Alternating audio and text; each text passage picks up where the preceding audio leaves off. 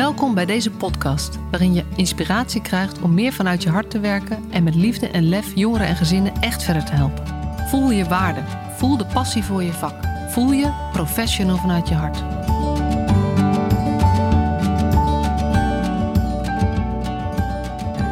Wat ontzettend leuk. Je luistert weer naar een nieuwe aflevering van de Professional vanuit je hart podcast. En uh, een klein primeurtje vandaag, want ik ga voor het eerst in gesprek met een gast die werkt in de geha- gehandicaptenzorg. En uh, ik ben er ontzettend blij mee. Zij uh, heeft een grote liefde voor begeleiden. heeft ook een boek over geschreven en daar zal ze ook iets over vertellen. En dat boek heet ook Mijn Liefde voor Begeleiden. En nou, ik vind het ontzettend leuk dat je er bent. Welkom, Miranda Ruijer. Dankjewel. Leuk. Fijn dat ik nog aansluiten. Ja, um, de eerste vraag. Ben jij een professional vanuit je hart? Absoluut. Zeker weten.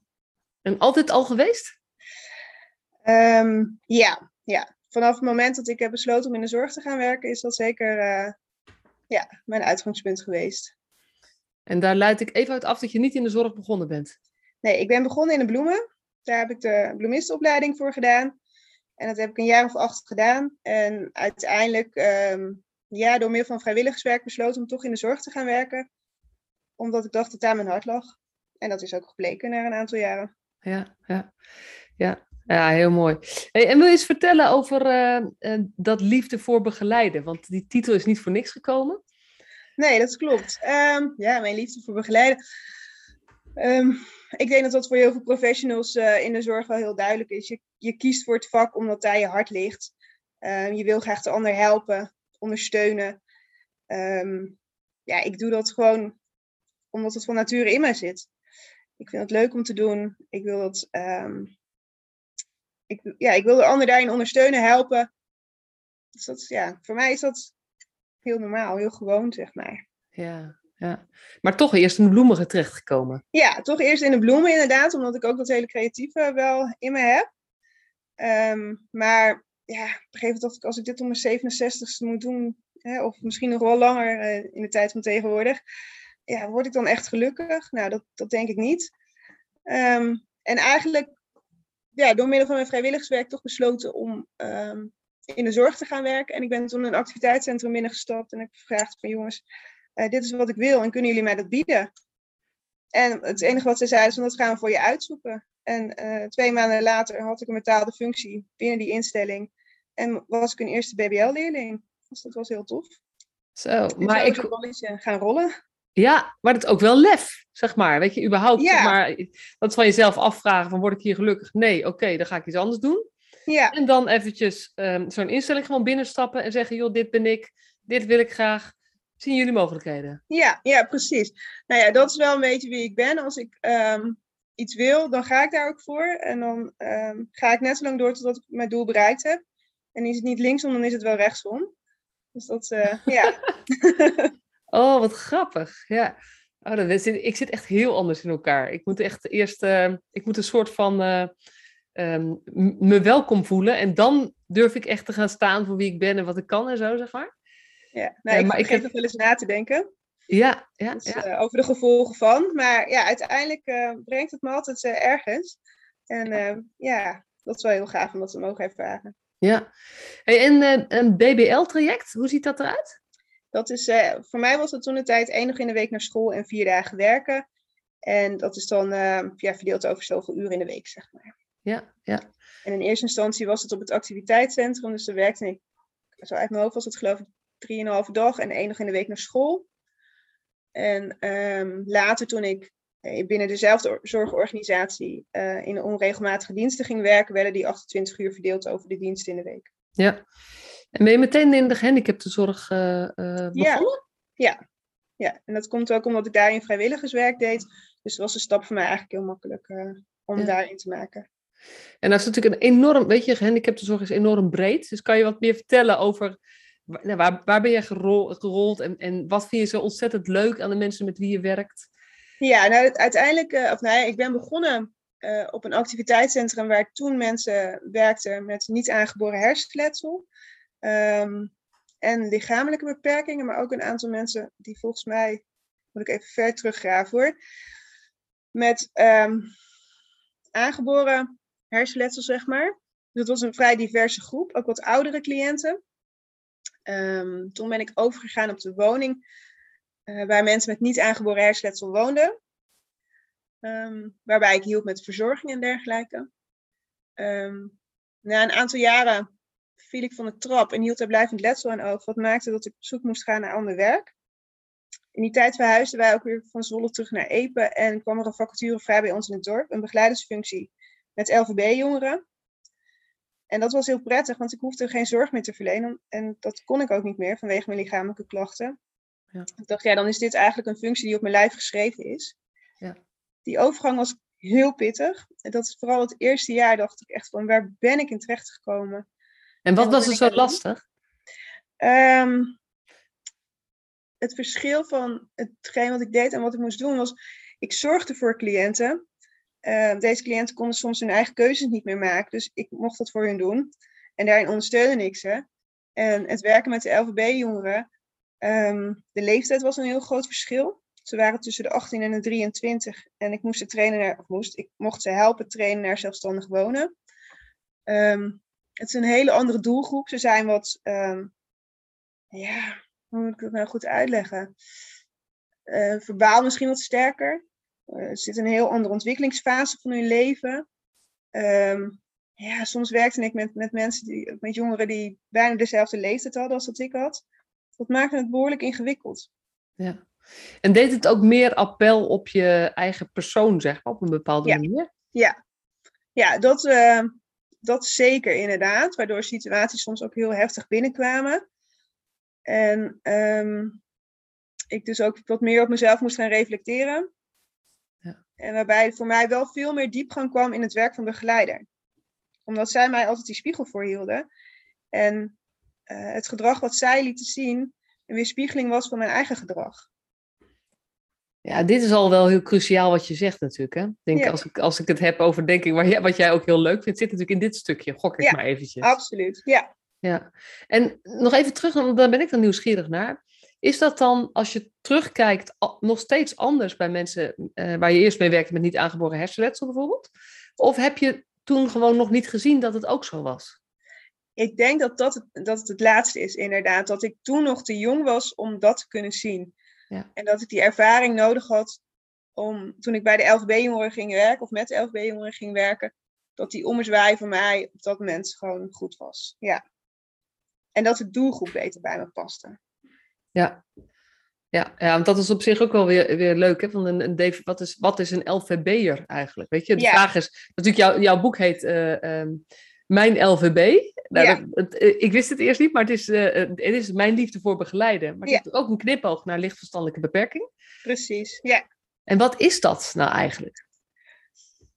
Ja, dat vind ik altijd een hele lastige vraag. Dat heeft natuurlijk ook te maken met je IQ. Hè? Want je, moet aan een, moet, je voldoet aan een bepaalde grens wanneer je mag spreken over een LVB. Um, ehm, ja, uit mijn hoofd is dat tussen de 50 en 75. Ja, ik meen 50 en 70 en dan ja. of tussen de 70 en 85, maar dan heb je bijkomende problematiek, sociaal-emotionele problematiek. En de LVB-jongeren die richting zelfstandigheid gaan, zitten vrijwel altijd in die nou ja, 65, 70 tot 85 groep.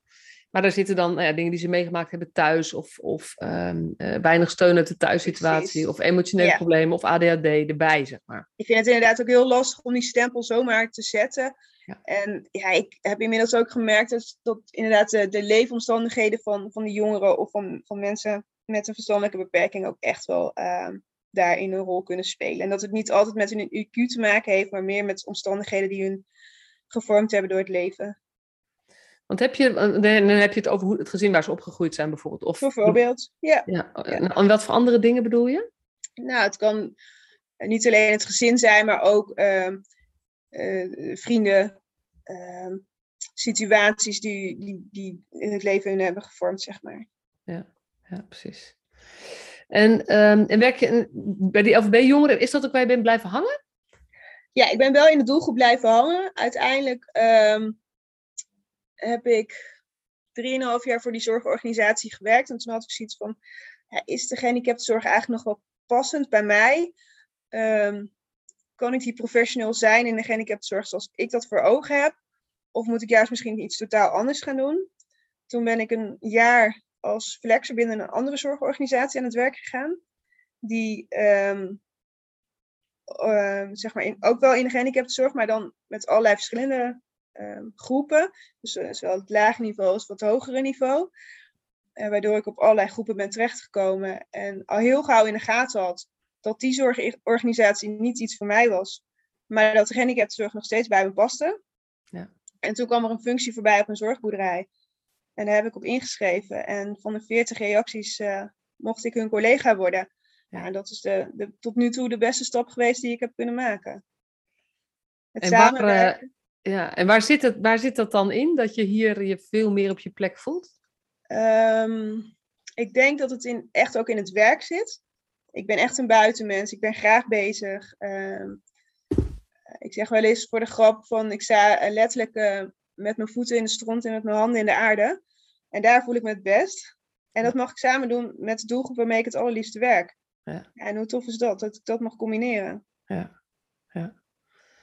En waar, wat is dan zo tof van die doelgroep? Um, nou, met de mensen waarmee ik nu werk, is dat zij hebben hetzelfde doel voor ogen.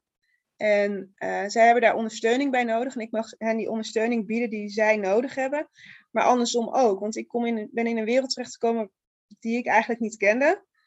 Um, waarin zij wel de kennis hebben. En waarbij we dus samen tot een einddoel komen. Ja. En welk gezamenlijk doel heb je dan? We hebben een gezamenlijk doel voor ogen. En we hebben elkaar nodig om daar te komen. En, en wat is dat gezamenlijk doel? Uh, nou, we hebben, onze zorgboerderij heeft niet alleen dieren, maar heeft bijvoorbeeld ook een moestuin en een winkel en een bed and breakfast. Nou, het zijn dus allemaal onderdelen die we met elkaar um, bestieren. En waarbij we elkaars competenties nodig hebben om uiteindelijk dat draaiende te houden. Ja, ja. ja, en er zijn eigenlijk waarschijnlijk ook een heel aantal dingen die jij niet kunt, maar die anderen wel kunnen. Precies. Die dan het stempel LVB of iets dergelijks hebben. Ja. Maar die wel heel goed zijn in, uh, in bepaalde, nee, bepaalde, bepaalde dingen uh, in, met, met akkerbouw of met, juist met die dieren. Ja. Of, uh... Precies, er wordt niet gekeken naar hun beperkingen, maar wel naar hun mogelijkheden. Ja. Is dat wat het ook kenmerkt voor jou? Ja, absoluut. Ja. ja. Het is ook iets wat ik in mijn werk, um, ik ben dan nu persoonlijk begeleider geworden. Um, ik lees bijvoorbeeld ook niet, geen zorgplannen. De eerste drie maanden dat ik daar werkte, vond ik dat ook niet interessant. Ik ging juist met, met cliënten, of mensen, mensen het gesprek aan van, joh, wie ben jij? Waarom werk je hier? Wat maakt het voor jou hier zo interessant? Ja. En waarin kan ik jou ondersteunen? Ja. En wat heb je van mij nodig? En eh, even eh, om toch even een bruggetje te maken naar de jeugdzorg. Want ja, ik, ik neem nog steeds aan dat veel luisteraars uit de jeugdzorg komen. Maar mm -hmm. iemand vroeg laatst aan mij, hoe weet je dat eigenlijk? Ik weet het eigenlijk niet, maar dat neem ik wel aan. Maar um, ik denk een heel groot verschil is dat in de jeugdzorg, de men, zeg maar, als begeleider ben je altijd tijdelijk en best wel korte tijd betrokken. Ja. En uh, ook de hulpverleningsplannen die er zijn, waarvan ik vind dat we die hele term moeten afschaffen. Dat we het over toekomstplannen zouden moeten hebben. Uh, maar dat is denk ik in de, um, in de gehandicaptenzorg anders. Omdat je daar vaak over toch jarenlange begeleiding hebt. Ja, dat is denk ik wel het verschil. En ik kan me ook voorstellen dat dat, dat want dan hoor ik toch zorgplan. Mm-hmm. Wat is dan de aard van zo'n zorgplan? Is dat ook dat daar echt, nou ja, wat, in, wat je in de jeugdzorg ziet, is dat er gewoon echt behand, nou ja, doelen staan die iemand moet gaan halen, zeg maar, waar, waar ook een, uh, de professionals op moeten scoren. En, en dat is onder andere de verantwoording die gedaan wordt. Ja. Hoe is het dan bij jullie? Ik denk dat dat inderdaad wel het verschil is bij, bij ons, is dat de doelen die worden gesteld door de cliënt zelf zijn neergezet Uiteraard in samenspraak met de begeleider, ofwel op de woning, ofwel de dagbesteding, of misschien vanuit de thuissituatie. Um, maar dat dat niet doelen zijn die, waar professionals aan moeten voldoen. Ja, moet ik dat nou goed uitleggen? Um, het, het, sommige doelen worden bijvoorbeeld voor een aantal jaren opgesteld. Ja. En sommige zijn van, van korte periode. Um, sommige cliënten hebben ook geen doelen. Die mogen er gewoon zijn. Ja. En dat, en dat kan ook in jullie setting. En dat kan ook. En dat mag ook, ja.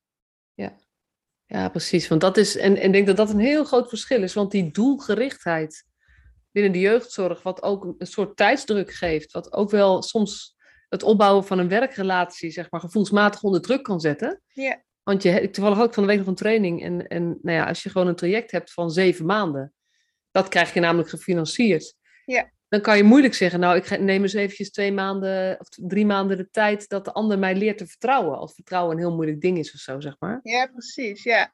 Nee, ik denk dat dat zeker dat verschil is wat ik bij ons zie. Ehm, als ik kijk bij onze cliënten, die kunnen bijvoorbeeld op een soort van stage bij ons komen. Dan mogen ze drie maanden oriënteren of de plek passend is voor eh, wat zij voor ogen hebben.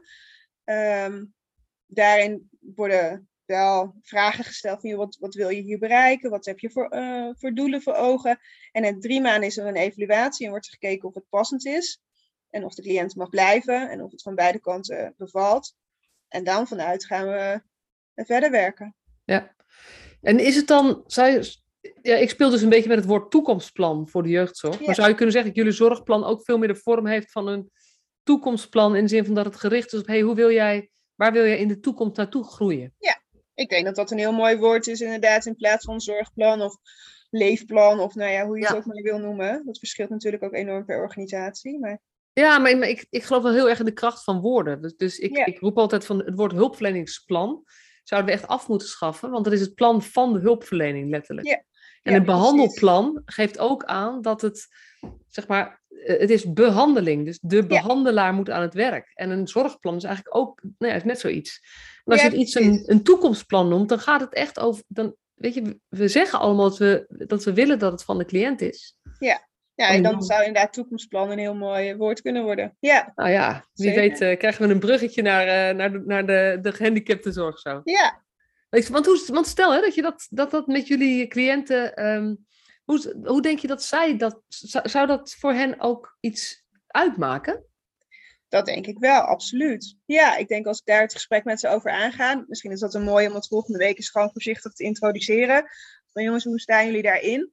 dat dat voor je en echt wel uh, een, heel groot verschil kan maken. Ja. En wat zou het verschil zijn, denk je?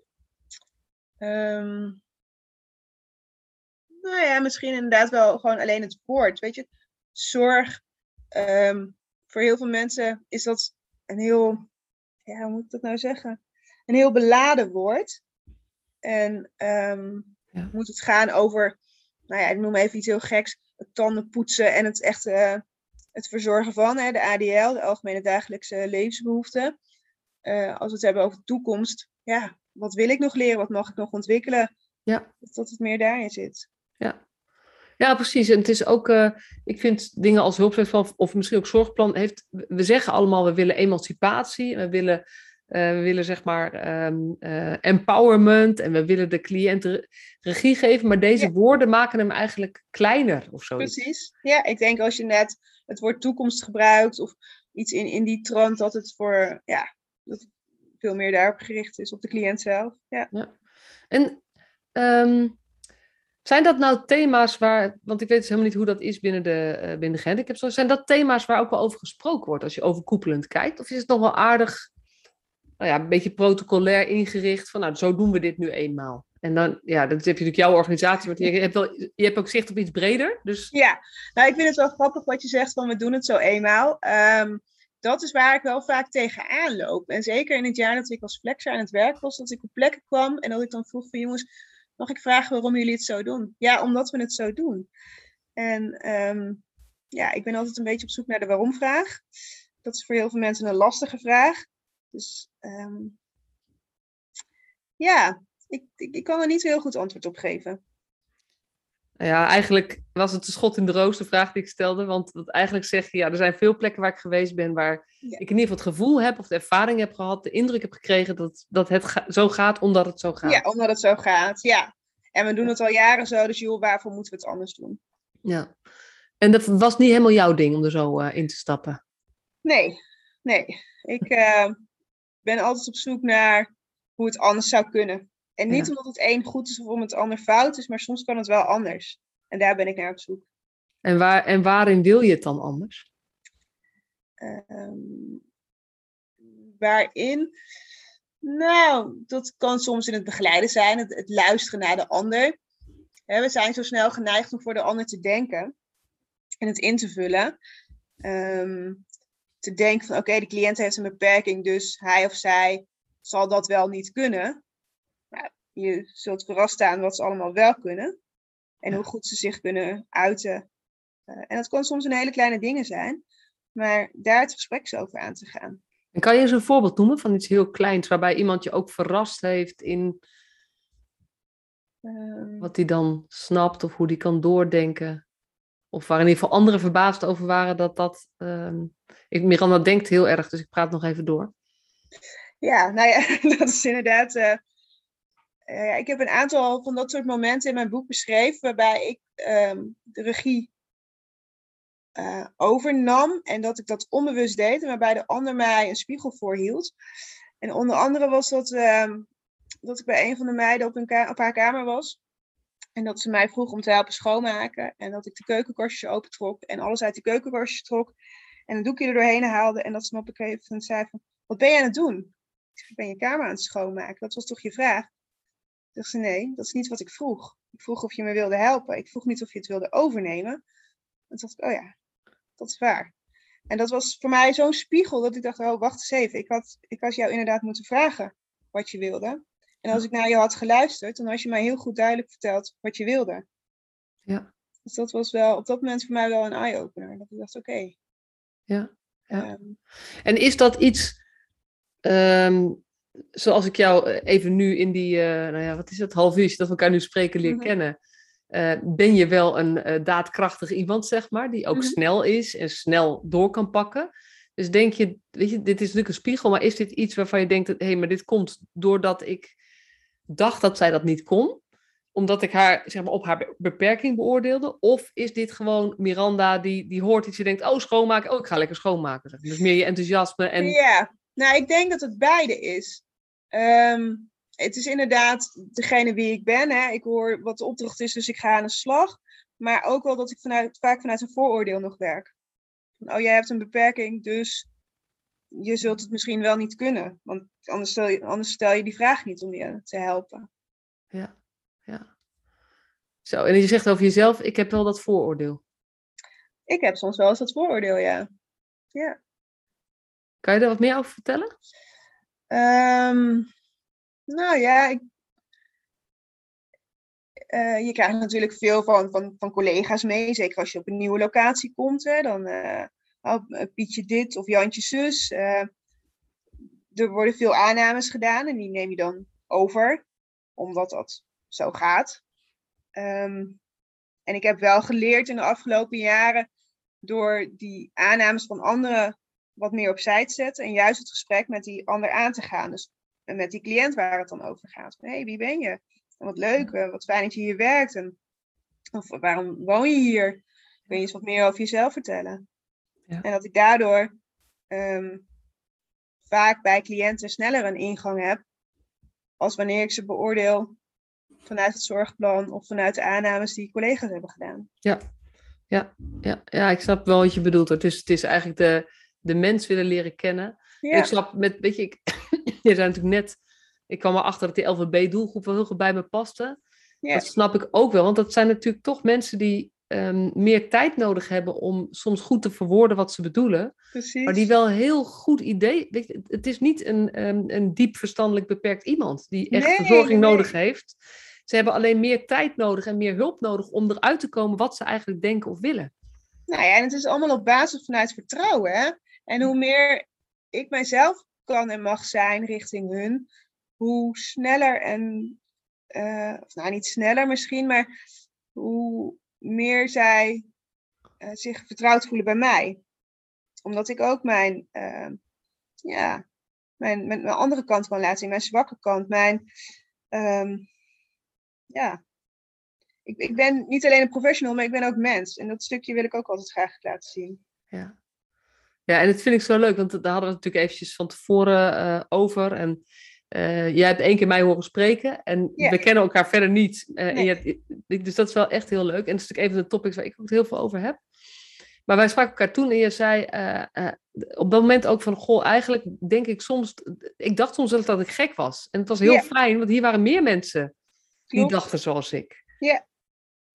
Want hoe, hoe, is dat ook hoe je dat dan ervaart in je werk? Dat je wat dat betreft een soort van ehm, nou ja, vreemde eend in de bijt bent of een beetje een, uh, een mafkees soms, zeg maar. Of, of het gewoon anders doet dan anderen. Ja, nee, dat klopt inderdaad. Dat, ehm, tegenwoordig werk ik in een team waarbij dat absoluut niet meer zo voelt. Daar mag ik gewoon zijn wie ik ben. En ehm, daar mag ik af en toe even lekker buiten de kaders gaan en um, mezelf zijn. Maar ik ben inderdaad wel eens in teams gewoon aangevallen van... joh, doe nou eens even normaal, want wij doen het zo.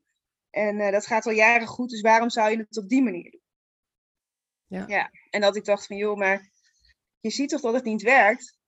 Um, deze cliënt laat gedrag zien en als wij ons gedrag aanpassen, gaat die ander dat ook doen en krijgen we wel de ingang. Ja. Dus het gedrag van de ander is de spiegel van jezelf. Ja. Ja, ja en, als je, weet je, en, en vooral als je iets wil veranderen aan het gedrag van de ander, zal je zelf iets moeten veranderen. Precies, ja. Dat, Alleen uh... vergeten we dat vaak, want oh jee, wij zijn de professionals en we weten het zo goed. Nou, ik denk dat onze cliënten het beter weten als dat wij het weten. En laten we eens naar hun gaan luisteren. Ja. Is dat eigenlijk want dat heb ik je al, ik heb je nu al denk ik vijf keer horen zeggen. We moeten gewoon luisteren, we moeten gewoon luisteren. Is dat nou eigenlijk wat jij het belangrijkste vindt? Wat er meer moet gebeuren? Ja, die communicatie. Uh, het zit soms in hele kleine dingen. Ja, voorbeelden. heb je een voorbeeld? voorbeeld? Nou, ik heb een heel boeken vol. Ja, daarom. ja. Um, nou ja, ik heb bijvoorbeeld ook een, een, verhaal geschreven. Dat heet Auw, je doet me pijn. Um, dat gaat over een, een cliënt die ik um, met al mijn goede bedoelingen een hand op de schouder heb gelegd. En dat ze tegen mij zegt van, nou, doe eens niet, je doet me pijn. En dat ik echt denk van, jongen, wat deed ik dan? Ik, ik legde alleen mijn hand op je schouder. En heb ik je dan geknepen. En dat zij dus een paar dagen later tegen mij zegt van, nee, maar je deed mij geen um, fysieke pijn, maar je deed me mentaal pijn. Want jij deed iets wat ik niet wilde. En waarom deed je dat? En toen dacht ik, ja, waarom deed ik dat eigenlijk? Deed ik dat omdat dat van mij verwacht werd? Deed ik dat omdat ik dat zelf fijn vind? Deed ik dat omdat de ander dat graag wilde? Um, ja. ja. En dat zijn wel dingen dat ik denk van ja, dat is wel fijn als, als je dat terugkrijgt. En wij, nou ik als professional, handel heel vaak omdat ik denk dat de ander dat fijn vindt. Of omdat die ander dat wil. Um, maar is dat ook daadwerkelijk zo? Ja. En heb je antwoord gekregen op die, voor jezelf over dat, over, over dat voorbeeld van toen je die hand op die schouder legde? Ja, ik ben me daar nu steeds bewuster van dat ik dat minder snel doe. Ja. En als ik dat wil doen, dat ik dat eerst vraag aan de ander. Vind, vind je het goed als ik je even vastpak? Of ik zie dat je verdrietig bent, mag ik even mijn arm om je heen slaan? Ja. Ja. ja. En dat dus... is vaak wel dat ik hetzelfde antwoord krijg. Want vaak zeggen ze wel van, ja, dat, dat wil ik of ik vind dat fijn. En dat ik het niet meer zomaar doe. Ja. Maar dat kan natuurlijk ook als je dit gaat doen, zeg maar. Um, en het kan het ook heel kunstmatig maken. Ja, maar ik denk dat je als je eenmaal je cliënten kent, dat dat uh, ook wel gewoon gaat. Zo, ja, gewoon, um, hoe moet ik dat goed zeggen? Dat het gewoon onbewust gaat. Ja. Ja, terwijl de, weet je, je moet het eerst naar het bewuste halen. Ja. Dat, ik denk dat dat. Uh... laten we ons er bewust van zijn met wat wij aan het doen zijn. Ja. En dat het niet erg is.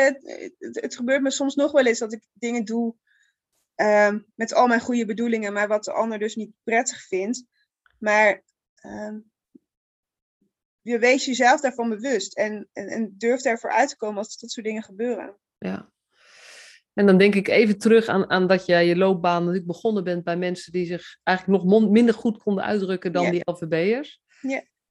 En als ik me dan verplaats in, in die mensen, zeg maar, die natuurlijk met niet aangeboren hersenletsel, soms uh, bele is de belevenis precies hetzelfde, maar is het gewoon de uitdrukkingsvaardigheid veel minder. Mm -hmm. Het is toch eigenlijk veel belangrijker om, nou ja, weet ik niet, veel belangrijker, maar ook zo heel erg belangrijk om niet in te vullen wat voor de ander het prettigst of het fijnst zou zijn. Dat klopt, maar ik denk dat dat uiteindelijk voor iedereen geldt. Het maakt niet uit welke doelgroep. Ja. Of je wel of geen beperking hebt. Ja. Um. Ja, eens. Eens, alleen denk ik dat veel eh, mensen met een beperking, um, voor hen is het soms lastiger, denk, denk ik, nog om aan te geven dan mensen zonder beperking. Klopt, alleen zijn, ze kunnen dan misschien niet communiceren met woorden, maar vaak is het dan wel het gedrag wat ze laten zien. Ja. ja, maar dat is heel lastig, want ik weet dat er ook een, een weet je, er is ook zo'n doelgroep um, uh, verstandelijk beperkt met moeilijk verstaanbaar gedrag, MVG. Mhm. Ja. Ja, dan krijg je natuurlijk een heel interessante uh, gesprek zou je daarover kunnen hebben. Van uh, hoe komt het dat dat moeilijk verstaanbaar gedrag er is? Ja, precies. Ja, ik denk ook dat dat, um, ja, dat je daar ook niet zomaar achter komt. Ik ken deze doelgroep ook niet, de MVG-doelgroep. Dus ik, ik, nee, daar kan ik je ook niet echt heel goed het antwoord op geven hoe je daar dan dat zou kunnen zien, zeg maar. Maar als ik kijk in, in, in, in de LVB-doelgroep of in de VG-groep, um, dat uh, boosheid of het chagrijnige, zoals wij dat noemen, of nou ja, de aanname die we daarin doen, laat ik het zo zeggen, um, vaak wel voortkomt uit iets wat ze dan niet willen. Of wat er is overkomen of ja. uh, is gezegd tegen ze. Ja. ja, en dan krijgen we eigenlijk hetzelfde. Dat is hetzelfde als, ik, als we bij jeugd en bij kinderen natuurlijk hebben. Is dat we reageren op het gedrag. Ja. Um, en daarbij eigenlijk voorbij gaan aan wat is, nou, wat is nou de aanleiding voor dit gedrag. Precies, dus ja, waarom doet de ander zo? Ja. ja. Ja, en dat zit dus in kleine dingen. Um, uh, en, en, kleine dingen dus horen die gezegd Precies. worden. Ja. En dan vind ik dat voorbeeld wat jij noemde wel mooi, van dat, dat iemand zegt je doet me pijn. Uh, en dat je dat hoort en serieus neemt. En ja. Ik kan me ook voorstellen in zo'n situatie, als iemand, uh, als, je, als je een professional hebt die nou ja, of even haast heeft, of wat minder even met zijn aandacht bij ze zegt van joh, zo hard kneep ik toch niet, bij wijze van spreken. Nee. Nou ja, ik heb dat op dat moment ook gezegd en zij liep van mij weg. En uh, ik was vervolgens een paar dagen vrij en ik kom weer terug op de groep. En ze uh, ontwijkt me. En ik dacht echt van, joh, wat heb ik dan toch gedaan? En uiteindelijk lukt het me om het gesprek met haar aan te gaan. En de tafel zit tussen ons. En ze durft het uh, te vertellen van, joh, maar um, je deed me geen fysieke pijn, maar mentaal. Want je deed ja. iets wat ik niet wilde. Nou, dat was gewoon heel mooi. En ook echt heel fijn dat ze me dat kon benoemen. Ja. En ook heel knap dat, weet je, dat ze dat zelf door had, wat Ja. er gebeurde. En dat Ja. ze dus daarom afstand hield van je. Ja. En bereid was om dat met jou te delen ook. Ja, absoluut. Ja, en het was voor mij echt een spiegel. En uh, misschien wel net zo pijnlijk als die hand op haar schouder. Ja, ja, ja, ja zeker. Weet je, dat is niet wat je wil natuurlijk. Nee. Maar nee, goed, maar je kon ook. wel zo welkom. Nou, precies. En je kon haar daarna van harte bedanken, zeg maar. Dus Ja. dat zal ze ook absoluut. gevoeld hebben. Dat is Ja. Als je zoiets meemaakt samen en je komt daaruit, dan is dat vaak, ehm, eh, ja, zorgt dat voor een hele mooie eh, samenwerkingsrelatie. En uiteindelijk kom je op gelijkwaardig niveau. Hè? Dat is um, ja, wat ik wil bereiken met mijn cliënten. Ja, ja gaaf hoor. Hey, en je hebt dus een boek geschreven, vol met zulk soort verhalen. 40 ik volgens heb, mij? eh, ja, 40 verhalen en anekdotes eh, beschreven vanuit mijn rol als uh, begeleider in de gehandicaptenzorg. Uh, wat het met mij doet als professional, maar ook als mens. Want er zijn heel veel situaties die ik vanuit mijn eigen normen en waarden um, misschien wel kan begrijpen, maar vanuit mijn rol als professional soms niet. Of net andersom. Um, ik heb mezelf een spiegel voorgehouden en gereflecteerd op mijn eigen handelen. Zo. En wat was je aanleiding om het te schrijven? Want het is best wel, het is natuurlijk een boek over je werk, maar het is eigenlijk Ja. een boek over jou. Eigenlijk is het een boek over mij, ja. Mij als professional, maar ook als, als mij als Miranda, zeg maar. Um, in die periode dat ik begon te werken met de LVB-jongeren, gebeurden er zoveel situaties die um, voor mij nieuw waren, best heftig waren soms, maar die ook in mijn hoofd een eigen leven gingen leiden. En dat ik dacht, ja, hou eens even, dit kan niet helemaal de bedoeling zijn. En ik ben altijd wel een schrijver geweest, dus op een gegeven moment ben ik verhalen gewoon gaan opschrijven. En nou, na een jaar of zo dacht ik, joh, wat zal er eens gebeuren als ik zo'n verhaal deel op social media? Dat heb ik gedaan en daar kreeg ik hele positieve reacties op. En op een gegeven moment was er iemand die zei van, joh, het zou mooi zijn als je die verhalen gaat delen en gaat bundelen. Want er zijn zoveel mensen die hier uh, naar op zoek zijn. En toen dacht ik nog, ja, wie is er nou te wachten op mijn verhalen en mijn boek? En uh, nou, er zijn er al zoveel. En nou, ik had allerlei excuses. En tot afgelopen januari. En toen dacht ik, ja, maar zou het ook echt zo zijn? Al die aannames die ik in mijn hoofd heb. Zijn er daadwerkelijk al zoveel boeken met dit soort verhalen? Um, zitten er mensen misschien helemaal er niet op te wachten? Of juist wel? Um, ja, wat zou er gebeuren als ik een berichtje op LinkedIn plaats met uh, de vraag of er iemand is die mij wil helpen? En dat heb ik gedaan. En de dag daarna stroomde mijn mailbox over van allerlei reacties van mensen die wilden helpen om het boek te schrijven. Tot iemand die het boek wilde uitgeven. En toen dacht ik, nou, dat is mooi, want de verhalen zijn er al. Ja. En ik weet wat ik wil. Ik wist de titel inmiddels en ik had alleen iemand nodig die mij uh, kon helpen om het uit te geven. En de persoon heb ik de dag daarna gebeld. En een half jaar later lag mijn boek er. Zo. Dat is heel gaaf. Ja. Ja, dat is echt heel gaaf. En wat was voor jou, even, je, je hebt die dingen dus geschreven. Ja. En je, je ging het delen en daar kreeg je reacties op. En daar dacht je, god, dit is moeite waard om nog meer mee te delen. Maar je hebt er vast ook een groter doel mee of zo. Of een groter iets wat je zou, wat je hoopt waar het aan kan bijdragen. Nou, op dat moment dat ik het boek uitgaf, niet. Uh, in ieder geval niet uh, het doel wat ik nu voor ogen heb. Inmiddels heb ik gemerkt dat er inderdaad heel veel vragen is naar dit soort verhalen. En ik hoop dat ik de nieuwe leerlingen of mensen die bewust kiezen om in de zorg te gaan werken, op een andere manier naar situaties kan laten kijken. En dat het niet goed of fout is wat we doen, maar dat het op bepaalde momenten wel anders kan. En dat het niet erg is dat je het af en toe gewoon even niet meer weet. En dat je hulp mag vragen. Um, maar dat je ook um, je bewust moet zijn dat hetgeen wat jij doet op, een, op de ander heel anders kan overkomen. Ja, dus eigenlijk is het een, een, een, nou ja, een oproep is het verkeerde woord, maar een, het is inmiddels een doel geworden als inspiratiebron voor reflectie. Ja, ja. Dat, dat profession, zeg maar dat, dat studenten, maar ook mensen die in de zorg al werken, eigenlijk ook nou ja, aan het denken gezet wordt, hé, hey, maar hoe doe ik dit eigenlijk? Zodat ja. uiteindelijk, um, en dat geloof ik zelf ook, als je meer reflecteert op hoe je zelf dingen doet, dan kan je de ander beter helpen, maar je kan ook echt zelf nog meer voldoening ervaren in je werk. En je kan gewoon nog meer bereiken in je werk. En dat is zo nou tof ja, Ik denk ook dat, dat dat het is, inderdaad. Ja. Dus uh, daar wordt uiteindelijk gewoon iedereen beter van. Maar het is wel een. Nou ja, het is, het is gewoon wel het accent verleggen van denken over wat is er met de cliënt aan de hand. Naar, hé, hey, wat doe ik eigenlijk? Zodat we in deze soms ingewikkelde situatie zijn. Wat doe ik daarin, zeg maar? Niet alleen Ja. maar kijken naar de, naar de cliënt. Nou ja, precies. En wat ik veel terugkrijg van collega's van, oh, die cliënt is zo vervelend en die cliënt is zo lastig. Dan denk ik, ja, maar eigenlijk ben jij degene die heel lastig is. Of zijn wij degene die heel lastig zijn. Ehm, want we zijn de zoveelste begeleider en de zoveelste hulpverlener. En ze moeten van alles van ons. En ze moeten weer hun verhaal doen. En ja, verplaats je in die ander. Stel je voor dat jij dat bent. Ja. Wat zou jij dan doen? Ja. En als je dan kijkt naar je, even los van de, de plek waar je nu werkt, hè, wat je ook Mhm. zegt, van, dat is gewoon een super fijne plek en dan heb je vis in het water. Maar als je nou kijkt naar gewoon je collega's in de gehandicaptenzorg wat breder, hoe reageren die dan op je boek?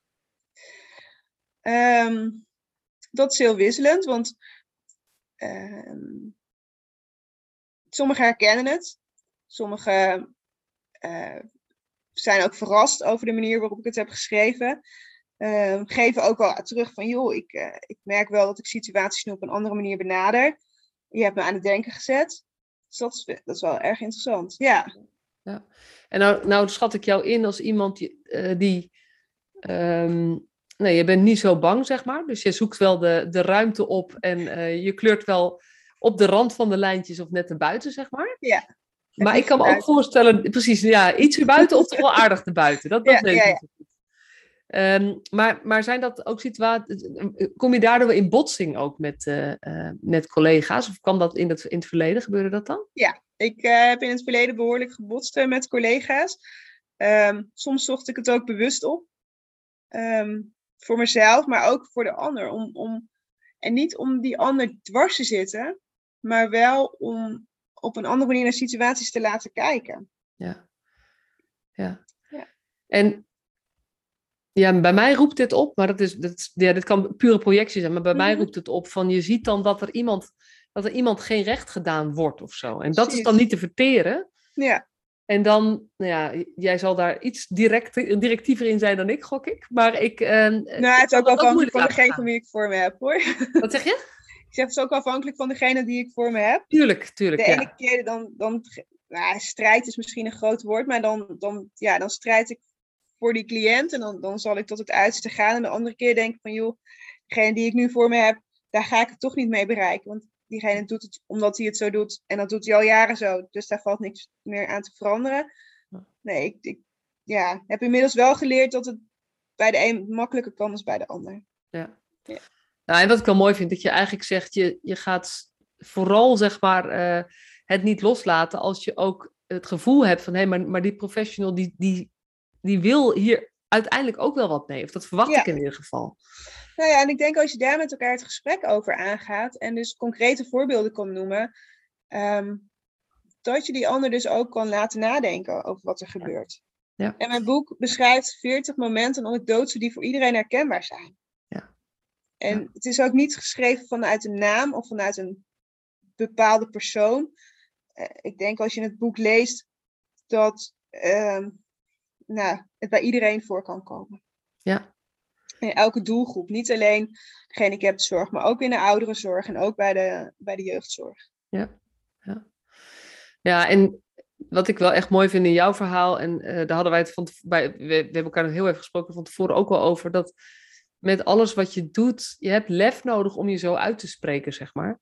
En als je dan merkt dat het goed ontvangen wordt, krijg je ietsje meer lef. Dus je, je gaat, en je krijgt een soort van, nou ja, je gaat zelf meer dingen doen, maar je merkt ook dat je om je heen um, mensen, ja, die, die zijn geïnspireerd of die denken, oh ja, hier zit eigenlijk wel wat in. Laat ik inderdaad ook eens hier wat van meenemen of zo. Ja. Het is actie-reactie, hè? Ja. Dat is wel heel mooi. En dat, uh, ja, ik, ik, toen het boek er eenmaal was, uh, merkte ik wel van, hé, hey, het, het is zoveel meer dan een paar woorden op papier. Ja.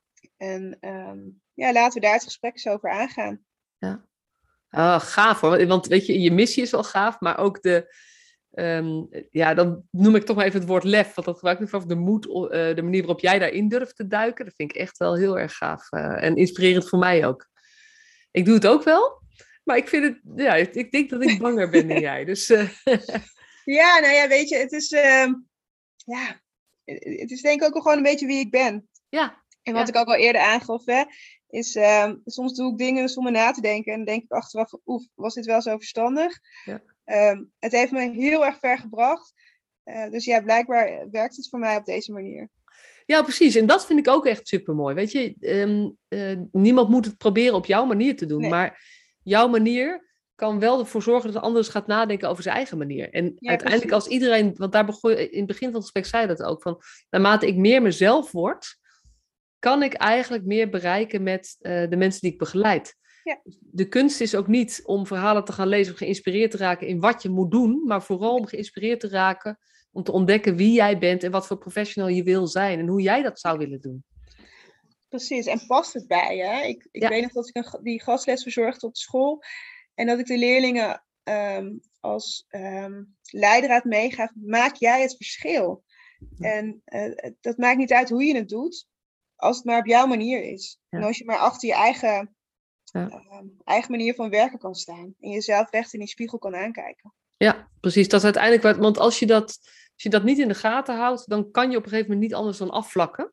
Precies. En dan ga je de dingen doen omdat je ze nu eenmaal zo doet. Maar dan ben je ook een stukje van jezelf kwijt. Ja, absoluut. En dat, uh, en dat is, nou ja, bijna niemand is ooit in de zorg begonnen om, uh, zeg maar, maar braaf te doen wat hij doet, zeg maar. Dus je bent ook gewoon je idealen een beetje kwijt. Ik hoop het niet, inderdaad. Ja, ja, ja precies dat ook. Ja, weet je, ik ben uh, gewoon de positieve kijk halen we eruit. Ja. ja. Hey, mensen die, uh, die benieuwd zijn naar die verhalen, waar kunnen ze je boek um, bestellen of kopen? Of hoe kunnen ze er aankomen? Ik geef mijn boek in eigen beheer uit. Uh, als mensen willen, dan kunnen ze een berichtje via LinkedIn sturen, via mijn profiel, onder Miranda Ruijer. Um, of ze mogen mij een mail sturen naar Miranda underscore Ruijer, met R-U Grieks I-E-R, apenstaatje hotman.com. En dan kan ik ze um, tegen de verzendkosten binnen Nederland of uh, België verzenden. Okay, en uh, 17,95. Ja. En de verzendkosten binnen Nederland zijn 5,20 euro. Ja, precies. Nou ja, dat, uh, dat precieze bedrag, dat uh, zal ik even zo optellen. Dat kan ja. ik niet zo snel. En dan 23 van... euro en 15 cent. Kijk, 23,15 euro, dankjewel.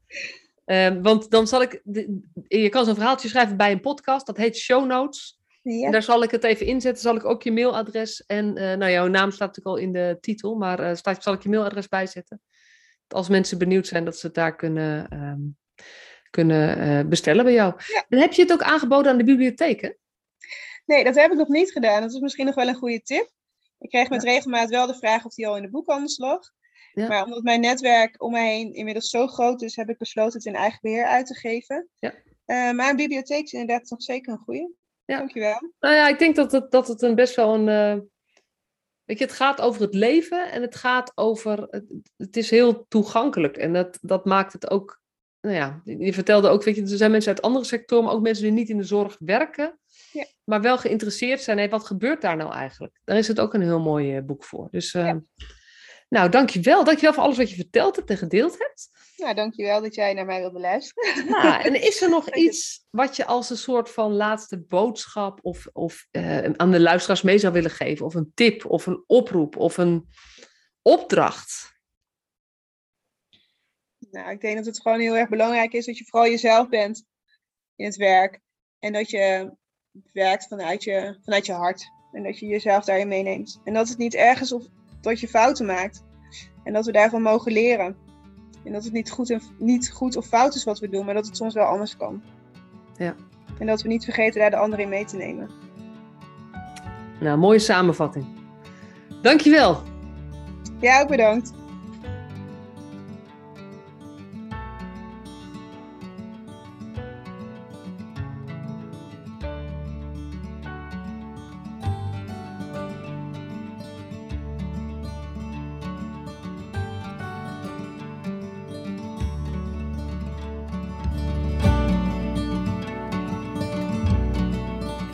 Superleuk dat je weer luisterde naar deze podcast. Dankjewel. Nog even kort een paar belangrijke dingen.